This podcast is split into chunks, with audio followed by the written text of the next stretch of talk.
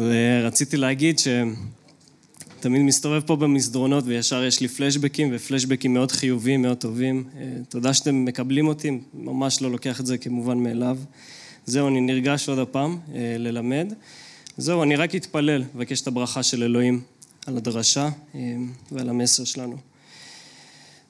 אבינו שבשמיים, תודה לך על הזכות שאנחנו יכולים להיפגש פה בחופשיות, אחים ואחיות, מכל כך הרבה רקעים, כל כך הרבה דברים שאולי שונים, אבל יש דבר אחד שמאחד אותנו, וזה שאתה בחסדך הושעת אותנו דרך ישוע. אנחנו פשוט מודים לך ורוצים להכריז את זה היום. ואבא, אנחנו רוצים לשמוע את קולך היום. אנחנו יודעים שאתה עדיין מדבר דרך דברך. תן לנו את השמיעה שבאמונה, לשמוע, וגם את הכוח והחסד ליישם את זה בחיינו. למען הכבוד שלך. מבקש את זה בשם ישוע. אמן. אז אתם יודעים, כמו בכל משפחה, יש הרבה מחלוקות בין בני המשפחה על דרכי החינוך, ואחד מהמחלוקות שהייתה במשפחה שלי, בצעירותי, זה שדודה שלי, מרינה, שאני אוהב אותה מאוד, תמיד טענה כנגד ההורים שלי שאני ואריאל אחי נצא ילדים מפונקים. והסיבה שהיא אמרה את זה, זה בגלל שההורים שלי לא דרשו מאיתנו להשתתף במטלות הבית. היא פחדה שיום אחד כשנתחתן, נהפוך לבעלים מאוד גרועים שלא מרימים שום זרת בבית. ובגלל שאין הנחתום מעיד על עיסתו, אני לא אדבר על עצמי, תוכלו לדבר עם תהילה אחרי הדרשה, מי שרוצה, אבל אני מתמקד לרגע באח שלי, באריאל.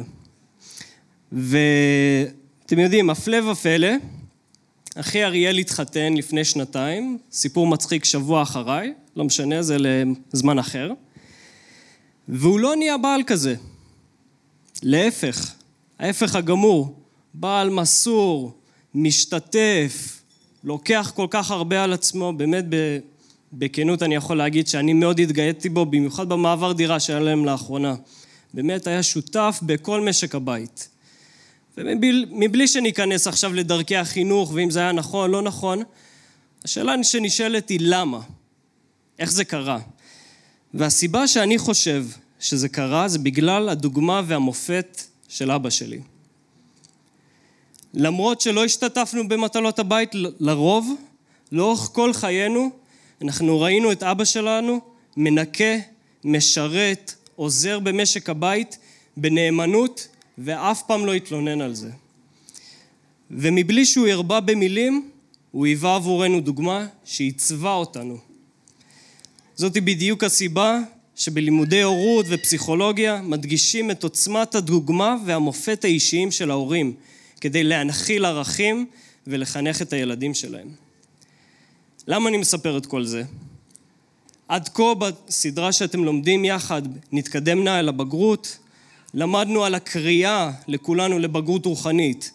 למדנו גם על המאפיינים של אדם בוגר באמונה. ולפני שנגיע לשיעור האחרון של ממש הצעדים הפרקטיים, איך אנחנו יכולים להתבקר במשיח, אני חושב שאני רוצה לנצל את הדרשה הבאה כדי להביט בדוגמה ומופת לאדם בוגר במשיח. והפעם אנחנו נסתכל על שאול השליח.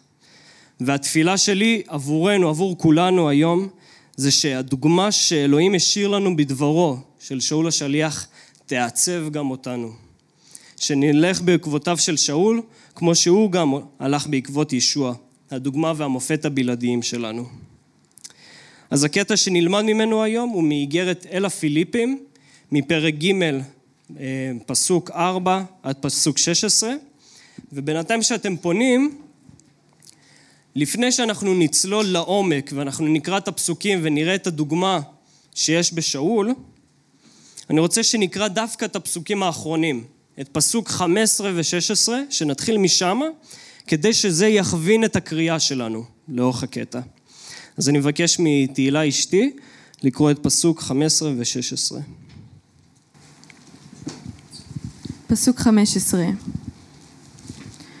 לכן, כל בוגר שבינינו יחשוב נא כך, ואם באיזה עניין חושבים אתם אחרת, גם את זאת יגלה לכם אלוהים.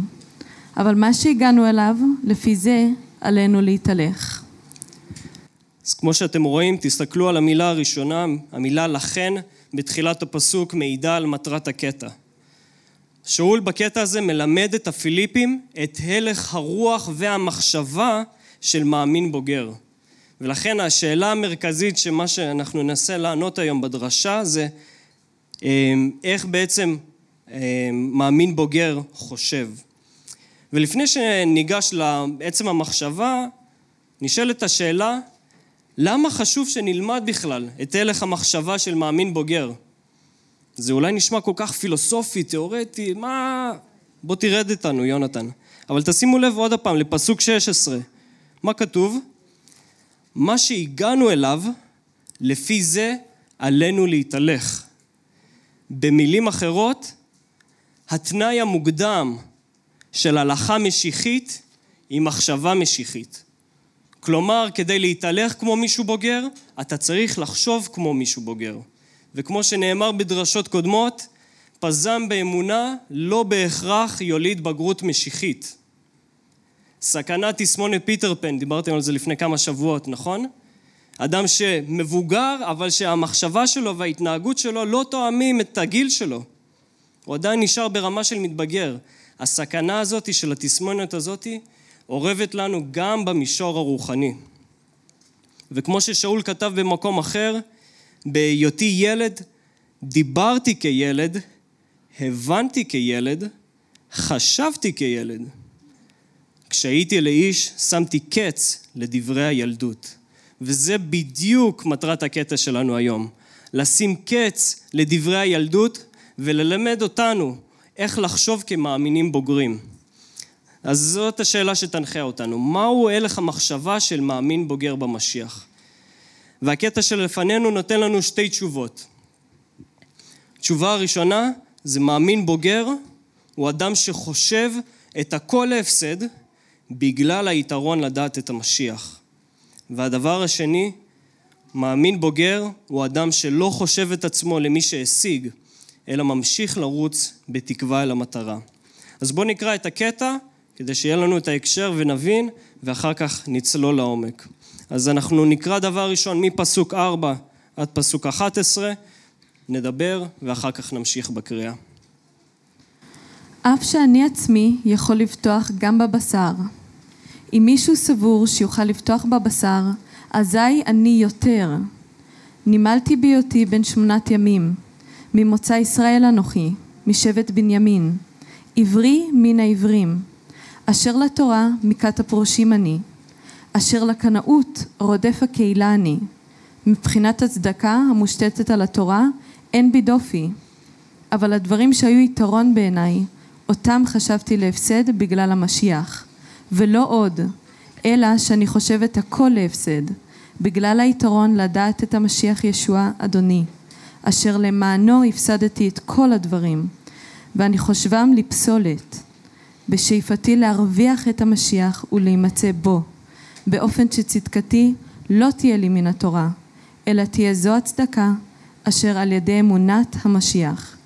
צדקה אשר מאלוהים היא, ויסודה באמונה, כדי לדעת אותו ואת כוח תחייתו, ואת השותפות בייסוריו, ולהידמות לו במותו, בתקווה שיגיע לתחייה מן המתים. אז כמו שאמרנו, הביטוי הראשון להלך מחשבה של מאמין בוגר הוא אדם שחושב את הכל להפסד בגלל היתרון לדעת את המשיח. משפט מפציץ, מורכב, למה הכוונה? מבחינת שאול, כמו שאנחנו רואים בפסוקים הראשונים, היה לו רזומה שלם שהגדיר את הזהות שלו, שנתן לחיים שלו ערך ומשמעות, ולכן הוא חשב אותם ליתרון לפני שהוא האמין בישוע. בואו נסתכל יחד, הוא היה יהודי אסלי, יליד טרסוס, הוא היה נימול בהיותו בן שמונה ימים, ממוצא ישראלי, משבט בנימין, עברי מן העברים. אבל זה לא נגמר רק בתעודת הלידה שלו. מבחינת מעשיו והישגיו הדתיים רוחניים, הוא היה בפסגה. הוא גודל, אנחנו יודעים, לרגלי רבן גמליאל הזקן, שהיה נשיא הסנהדרין באותה תקופה. הוא חונך על ידיו. הוא היה פרוש שידע את התורה, והוא שמר את כולה ללא עיגול פינות. עד כדי כך הוא שמר את התורה והיה קנאי לה, שהוא היה אה, רודף את המאמינים, את הכופרים מהאמונה המשיחית. הוא רדף כל מי שהאמין בדרך המשיחית, הוא קבל אנשים ונשים והסגיר אותם לבתי כלא כדי שיענשו. מבחינה אנושית מדובר ברשימה מרשימה שמעניקה לשאול סטטוס מיוחד. אבל אותם הדברים שהיו יתרון בעיניו, אותם הוא חשב להפסד בגלל המשיח. ולא רק זה, אם תשימו לב, שאול מרחיב בזה שהוא אומר אפילו שהוא חושב אותם לפסולת. ממש ככה, אשפה. בגלל היתרון לדעת את המשיח ישוע. וכמו שאנחנו יכולים לראות, מריבוי הפעמים שהוא משתמש במילה לחשוב, מדובר פה בשינוי מחשבתי, בשינוי בתודעה שלו. משהו השתנה בלב שלו. דברים שבעבר היו נחשבים בעיניו, פתאום נחשבו להפסד, נתפסו באור שונה. והשאלה שנשאלת היא, מה גרם לאותו מהפך בחייו של שאול? אז בואו נסתכל בפסוק שמונה יחד. אני חושב את הכל להפסד בגלל היתרון לדעת את המשיח ישוע, אדוני. שאול מצא יתרון חדש, רווח שונה, ששינה את כל המשחק. היתרון לדעת את ישוע גרם לכל שאר הדברים להיראות כהפסד. הכוונה היא שלא, זה לא שהמוצא שלו והרקע שלו כבר לא רלוונטיים והם נזרקו לפח. הכוונה היא שאותם דברים מתגמדים, נהיו כל כך קטנים לעומת היתרון לדעת את ישוע. כמו שישוע לימד במשל קצרצר, הוא אמר, דומה מלכות השמיים לאוצר טמון בשדה, והנה מצאו איש. הוא טומן אותו שוב, ובשמחתו הוא הולך ומוכר את כל אשר לו, וקונה את השדה ההוא. למה אותו אדם במשל היה מוכן למכור את כל הנכסים שלו ועוד בשמחה? הוא עשה זאת בגלל שהוא האמין בערך האדיר של חלקת הקרקע שהוא רצה לקנות. אותו דבר כך עם שאול. הוא היה מוכן לחשוב את הכל להפסד בגלל היתרון האדיר לדעת את ישוע. למרות המחיר הכבד של להיות תלמיד של ישוע, שזה אומר להכניע את חיינו, שהוא יהיה האדון שלנו, שזה אומר למות לעצמנו מדי יום. למרות הרבע, המחיר הכבד הזה, יש רווח לאמונה בישוע. כמו ששאול תיאר זאת, הוא אמר, עושר המשיח העצום לאין חקר.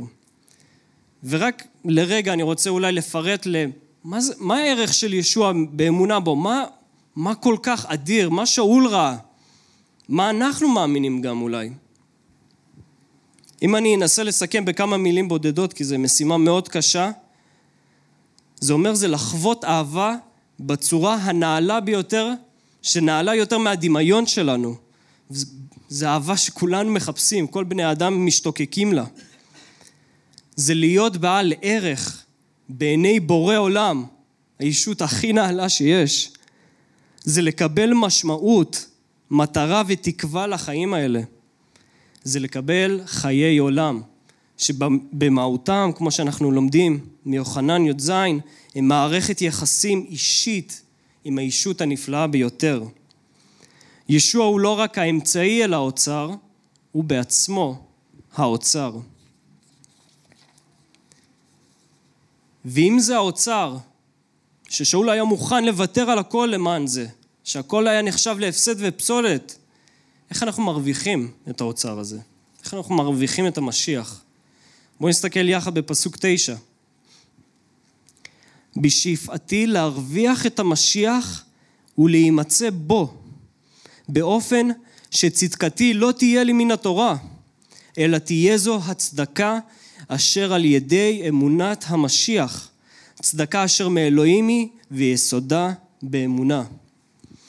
אתם יודעים, כשאנחנו חושבים על רווח, אנחנו ישר חושבים על עבודה, עבודה ושכר. אבל כאן, בשורת החסד שאנחנו מאמינים בה, עוד הפעם, שוברת את כל הקטגוריות שמוכרות לנו. תשימו לב אפילו בצורה הכל כך יפה ששאול מתאר את זה. מצד אחד שאול כותב, להרוויח את המשיח, צורה מאוד פעילה, ומצד שני, ממש בכמה מילים אחר כך, הוא כותב, ולהימצא בו, צורה מאוד צבילה. כאילו, אני מקבל את הפעולה. זה בדיוק הבשורה. בחסד הרב של אלוהים, הוא הלביש אותנו, את כל מי ששם אה, את מבטחו בישוע, הוא שם עלינו בגדי ישע. הוא עוטה אותנו במעיל צדקה למרות הבגדים המלוכלכים שהיו לנו לפני זה. ישוע חי את חיי הצדקה שאף אחד מאיתנו לא יכל לחיות, והוא מת את המוות שהגיע לכולנו. ועל ידי אמונה בו בלבד, אנחנו מתאחדים איתו. וככה המוות שלו מכפר על החטאים שלנו, והצדקה שלו נחשבת לנו. אוקיי, אז סבבה, אז ככה הוא מצדיק אותנו. אבל מה המטרה של הצדקה הזאת? מה המטרה של המוות של ישוע אפילו, והכפרה שלו והתקומה שלו? פסוק 10 עד 11. כדי לדעת אותו, ואת כוח תחייתו, ואת השותפות בייסוריו, ולהידמות לו במותו, בתקווה שיגיע לתחייה מן המתים. במילים אחרות, מטרת הצדקה היא לדעת את אלוהים דרך בנו ישוע. אתם יודעים, לפעמים אנחנו חושבים שהישועה שלנו היא בעיקר ביטוח כנגד אש עולם, שזה חלק מזה. אבל האמת היא שזה בעיקר הכפרה והצדקה שניתנו לנו בדם יקר, היא כדי שנוכל לחזור לנוכחות הקדושה, הטובה והאוהבת של הבורא שלנו. הוא רוצה שאנחנו נדע אותו, הוא רוצה מערכת יחסים. בגלל זה הוא סבל את הצלב למעננו, בגלל זה הוא קם לתחייה ובגלל זה הוא הצדיק אותנו בחסד. אבל מה הכוונה בלדעת אותו? ואם נסתכל בפסוקים אה, שלפנינו, שאול פורט את זה לכמה גורמים. הוא אומר, זה להכיר מניסיון אישי את אותה גבורה, גבורת אלוהים שהקימה את ישוע מן המתים, ואשר בתקווה גם תקים אותנו. את אותו כוח, להיות שותפים לזה. זה גם שותפות בייסוריו של ישוע, ואפילו להידמות לו במותו. במילים אחרות, חלק מלדעת את ישוע זה לחיות באחדות ושותפות איתו. זה לחיות את הנצח כבר עכשיו. לדוגמה, במקרים שאני חלש, לתת לגבורה שלו להשלים. זה להידמות למוות של ישוע בכך שאני מת לעצמי יום יום, בכך אני נושא את מותו בגופי. זה לזכור שחלק מהסבל שאני חווה פה עלי אדמות זה שותפות שלי בייסורים של ישוע, שסבל את הצלב בעד השמחה הארוכה לפניו. כמו שאמרנו, זה לחיות את הנצח, את השותפות והאחדות שמובטחת לנו, שיש לנו כבר עכשיו, ועוד אנחנו מצפים למימוש שלה בצורה מושלמת, ביום שהוא ישוב. אז השורה התחתונה של שאול בפסוקים האלה היא כזאתי: מאמין בוגר חושב את הכל, והכל זה הכל, להפסד לעומת בהשוואה לישוע ומערכת היחסים שלו איתו. שהם הדבר היקר ביותר בחייו. אתם יודעים, לחלקנו זה יכול להישמע מאוד בנאלי. נקודה מאוד בסיסית, כיתה א', עברנו את זה, יונתן, סבבה, בואו... אבל אתם יודעים, נכון, זה נקודת פתיחה עבור כל מאמין, זה האבן בסיס של כולנו. אבל אני חושב שהנקודה הזאת היא כל כך פשוטה, אבל גם יש בה כל כך עומק בו זמנית. בואו נדמה את זה לרגע לנישואים. כל ברית נישואין בריאה מתחילה באהבה. אהבה בוערת אפילו, שממשיכה לאורך תקופת ירח הדבש, ואולי בשנה הראשונה, שנתיים, כל אחד והנישואים שלו. אבל אם בני הזוג לא ישירו את הגחלת בוערת, אהבתם תתקרר. ואתם יודעים, כשהאהבה מתקררת, משהו אחר יכול להיכנס בין השניים. באותה מידה, בני זוג שישמרו ויטפחו את מערכת היחסים שלהם, אהבתם רק תתעצם ותעמיק, כך שדברים אחרים לא יפרידו ביניהם. היתרון לדעת את ישוע היא נקודת הפתיחה לכולנו, לכל מי שמאמין. אבל מאמין לא, אה, לא בוגר ישאיר את האהבה הזאת ואת הידיעה של ישוע באותה רמה, אהבה שטחית.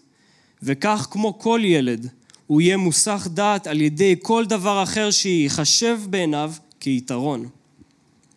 אבל המאמין הבוגר, אהבתו וידיעתו את ישוע רק תתעצם, כך שהוא מיום ליום יבין כמה אושר יש לו בשאהבה נפשו, וזה יגמד את כל שאר היתרונות בחייו, וישאיר אותם במקומם הנכון והטוב. זה, יש, שאול ממש לא מלמד פה סקפנות או לוותר על כל הדברים, זה פשוט למקם אותם במקום הנכון.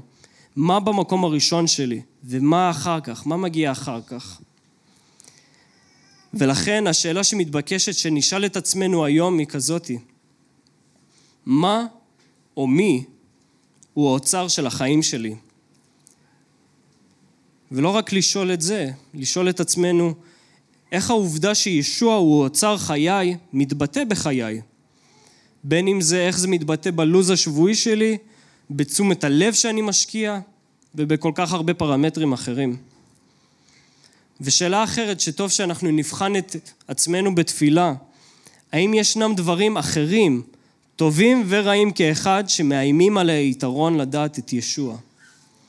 וזו שאלה קשה מאוד לענות עליה, אה, בבחינה עצמית, אבל אני חושב שדרך טובה לענות על השאלה, היא לנסות לדמיין לרגע איך אני ארגיש במידה ויילקחו ממני דברים מסוימים בחיי. איך אני ארגיש כשהנכסים שלי ילכו. אצלי, באופן אישי, יונתן, הפחד שלי הכי גדול זה היכולות שלי. אם היכולות שלי ילכו, מה שמעיד על כמה חשוב לי הידע שלי, היכולות שלי. וכל אחד שישאל את עצמו, מה יכול להיות תופס את המקום של ישוע, את האוצר? כמו שישוע לימד אותנו, במקום שאוצרך נמצא, שם יהיה גם לבבך. אז זו הנקודה הראשונה. ובואו נמשיך לנקודה השנייה. איך עוד אה, מאמין בוגר חושב? אז בואו נקרא יחד את פסוק 12 עד 14. לא שכבר השגתי, או שכבר הגעתי לשלמות, אבל רץ אני בתקווה להשיג, כי משום כך גם משיגני המשיח ישוע. אחי, עדיין אינני חושב את עצמי למי שהשיג, אבל דבר אחד, אני שוכח את אשר מאחוריי ונחלץ קדימה אל, אל מה שלפניי. אני רץ אל המטרה כדי להשיג את הפרס שבקריאה של מעלה, קריאתו של אלוהים במשיח ישוע. לכן כל בוגר שבינינו יחשוב נא כך, ואם באיזה עניין חושבים אתם אחרת, גם את זאת יגלה לכם אלוהים. אבל מה שהגענו אליו, לפי זה עלינו להתהלך. הביטוי השני שמאפיין הלך מחשבה של מאמין בוגר, ממה שאנחנו רואים פה, בפסוקים האלה, הוא אדם שלא חושב את עצמו למי שהשיג, אלא ממשיך לרוץ בתקווה אל המטרה. עוד הפעם, למה הכוונה? שאול מדמה את עצמו כאל אצן, איזשהו ספורטאי שנמצא במרוץ, הוא משתמש בדוגמה הזאת כדי להדגיש את האיזון העדין שיש בבגרות רוחנית משיחית. מצד אחד צניעות ומצד שני נחישות. אתם יודעים, לפעמים אנחנו תופסים אדם רוחני ובוגר באמונה כאדם מושלם שהפסיק לחטוא. חוץ מיונתן ארנולד, אני לא מכיר עוד אנשים שהגיעו לשלמות הזאתי. סתם. שלום לך. אבל לפעמים אנחנו באמת חושבים ככה, שמישהו שהוא בוגר באמונה, זהו, הפסיק לחטוא. אבל אתם יודעים, שאול מגדיר בגרות רוחנית בצורה אחרת. תסתכלו איך הוא מתוודה בפסוק 12. שאול השליח, דרך אגב, שאפשר להוריד את הכובע בפניו, אומר, לא שכבר השגתי או שכבר הגעתי לשלמות. והוא חוזר שוב בפסוק 13. אחי, עדיין אינני חושב את עצמי למי שהשיג. במילים אחרות, המשמעות של בגרות רוחנית היא לא להגיע לשלמות. כמובן שהאידיאל שלנו כמאמינים זה להידמות מדי יום לישוע ולכן כן, בטווח הארוך אנחנו נראה מגמת עלייה. אבל אם אנחנו נהיה כנים עם עצמנו, ואם ניקח את לימוד כתבי הקודש ברצינות, בייחוד בנוגע לחומרת החטא והשפעת החטא, אנחנו מבינים שהמלחמה עם החטא תימשך עד היום האחרון שלנו עלי האדמות, עד שישוע לא ישיב את הכל לקדמותו. ומעבר לזה, עוד לא הגענו לקו הסיום ולא השגנו את הפרס. אז אם כך הדבר, מהי כן בגרות רוחנית? בגרות רוחנית לא נמדדת בהגעה לשלמות, אלא בכיוון הריצה שלנו. המטרה אליה אנחנו רצים. בגרות רוחנית לא בהכרח נמדדת בכמות הפעמים שלא סטיתי מן הדרך, אלא במהירות שבה אני שב אל דרך הישר כשסטיתי. בגרות רוחנית לעולם לא תתגאה שהיא כבר הגיעה לשלמות.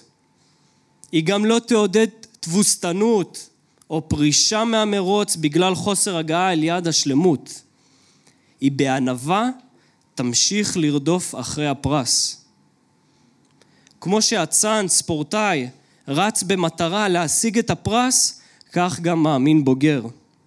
הוא לא נח על זרי דפנה והוא לא משתמש בחסד של אלוהים כפטור ריצה. הוא רץ בנחישות כשהמבט שלו ממוקד אל המטרה כדי להשיג את הפרס. וכששאול משתמש במילה רץ, הכוונה שלו היא לא לריצת שחרור, לג'וגינג. הכוונה היא כמו שדליץ' תרגם בפסוק 12. לא כאילו שהשגתי או שהשלמתי, אבל ארדוף. אני ממש אוהב איך שהוא תרגם את זה. הכוונה היא לריצה עצימה במטרה להשיג. ורדיפה כזאת היא מאופיינת בהתמקדות, בפוקוס. כמו ששאול כתוב, אה, כתב, סליחה, בפסוק 13. אני שוכח את אשר מאחוריי ונחלץ קדימה אל מה שלפניי. כמו שהצאן לא מסתכל לאחורה כמה שטח הוא כיסה, מי נמצא מאחוריו. ככה גם עלינו, בתור מאמינים בוגרים, לרוץ ממוקדים, כשאנחנו מסתכלים קדימה אל המטרה. מבט לאחור לא בהכרח כולל כל מבט לעבר, אני חושב שהכוונה היא יותר מבט לאחור שמסית ופוגע בריצה שלך, כמו אשת לוט, שהפנתה את המבט שלה אל עיר הסדום והפכה לנציב מלח. אבל לפני שנדבר, מה שהוא בכלל מנסה להשיג, מה המטרה, לאן הוא מסתכל, למה הוא ממוקד. שאלה שלפחות עלתה לי כשעליתי, אה, כשקראתי את הקטע, היא מאיפה הדרייב שלו? מה, מה הייתה המוטיבציה, מה המוטיבציה? מה הניע אותו לרוץ בצורה שכזאת? בואו נסתכל עוד פעם בפסוק 12. רץ אני בתקווה להשיג, כי משום כך גם השיגני המשיח ישוע. במילים אחרות, הרדיפה שלו היא תגובה לרדיפה האוהבת של ישוע. זה בדיוק את אותו עיקרון שיוחנן לימד אותנו. אנחנו אוהבים מפני שהוא אהב אותנו תחילה. מרוץ האמונה של חיינו הוא תגובה לפועל המלא רחמים של אלוהינו כלפינו. ואתם יודעים, יש הרבה סוגי מוטיבציה, יש הרבה סיבות ילדותיות שיכולות להניע אותנו לרדוף, או, או להפך, להפסיק לרוץ. אבל רדיפה כתגובה לפועלו של אלוהים היא המוטיבציה הבלעדית עבור מאמין בוגר. ועיקרון הזה תואם בדיוק את המילים של מחבר איגרת אל העברים בפרק י"ב, שהוא אומר, בסבלנות נרוצה את המרוץ הערוך לפנינו, בהביטנו אל ישוע מכונן האמונה ומשלימה, אשר בעד השמחה הערוכה לפניו, סבל את הצלב ובז לחרפה. וישב לימין כיסא אלוהים.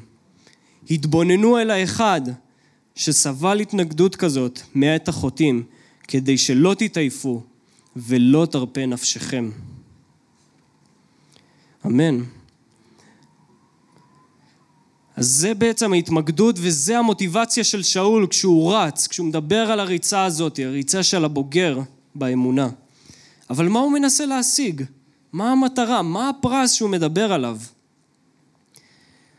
אז זה לא חד משמעי בטקסט, ויש מחלוקת, ויש שאומרים שמדובר בציפייה שלו לשיבה של ישוע, שהוא ישוב.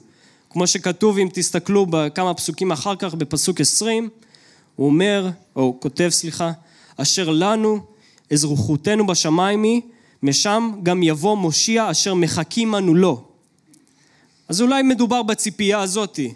מצד שני, יכול להיות ומדובר בציפייה שלו להסתלק ולהיות בנוכחות של ישוע, כמו שכתוב בפרק א' בפסוק 23. אני משתוקק להסתלק ולהיות עם המשיח, שכן זה טוב הרבה יותר. בין אם זה כך ובין אם זה כך, מה שכן אפשר להסכים עליו, זה שקו הסיום של ריצת האמונה היא האחדות שלנו עם המשיח. או אם נשתמש במינוח של שאול ממש באותו הקטע, להרוויח את המשיח ולהימצא בו כדי לדעת אותו. הפרס שבקריאה של מעלה, קריאתו של אלוהים, הוא המשיח ישוע. ביוון העתיקה היה מדובר בזר שבסופו של דבר ינבול, אבל ישוע הוא הפרס שלעולם ימלא את משאלות ליבנו, וזאת התקווה שלנו, זו התקווה המשיחית. אז השורה התחתונה של הנקודה השנייה של שאול היא כזאתי, תרדפו בצניעות. מצד אחד, תהיו צנועים באיך שאתם מעריכים את, את עצמכם, שהרי לא הגעתם לשלמות ועוד לא הגעתם, אה, ועוד לא השגתם, סליחה, את הפרס. אבל מצד שני, תרוצו כשעיניכם ממוקדות על המטרה, לדעת את המשיח ישוע. תרדפו את המטרה כתגובה לרדיפה האוהבת של ישוע. איזון הדין של רדיפה ושל צניעות. וזה איזון הדין שלאורך כל חיי האמונה שלנו אנחנו נצטרך לבחון את עצמנו, שלא נטועה רק לשמה או רק לשמה. ואם כך הדבר, בואו נשאל את עצמנו הערב את השאלות הבאות. האם ויתרנו על מרוץ האמונה כי לא הגענו לשלמות? האם ריצת האמונה שלנו היא ריצת שחרור שנחה על זרי דפנה? ואם אנחנו כן רודפים אחרי הפרס, מה מניע אותנו? מה המוטיבציה שלנו? האם זה הרצון שלנו להצטדק במעשים שלנו? להחזיר לישוע את ההלוואה של מותו על הצלף דרך מעשינו? או האם זה נובע כתגובה לאהבה שלו ולחסד שלו כלפינו? אז לסיכום, כדי להתנהג כמו מאמינים בוגרים, עלינו לחשוב גם כמאמינים בוגרים. ומחשבה משיחית בוגרת כוללת בתוכה שני מרכיבים על פי מה שכתוב לנו. אחד, זה לחשוב את היתרון, לדעת את ישוע כנעלה ביותר, כשאיפה והמטרה של החיים שלנו. והנקודה השנייה זה לא לחשוב את עצמנו למי שהשיגו, אלא לאלו שממשיכים לרוץ כשעיניהם ממוקדות על המטרה והפרס. ומי ייתן, זו התפילה שלי והבקשה שלי היום מאלוהים, שהדוגמה, כמו שהדוגמה שאבא שלי עיצבה את ההתנהגות של אח שלי אריאל, כך גם המופת של שאול בכתובים יעצב את הלך המחשבה שלנו. שממש נחווה את מה ששאול כותב במקומות אחרים, את התחדשות הדעת, שנחשוב לא כמו ילדים, אלא נחשוב כבוגרים באמונה. וככה נדמה יותר ויותר לישוע, ונחשוב וננהג כבנים ובנות בוגרים של אבינו שבשמיים. בואו נתפלל.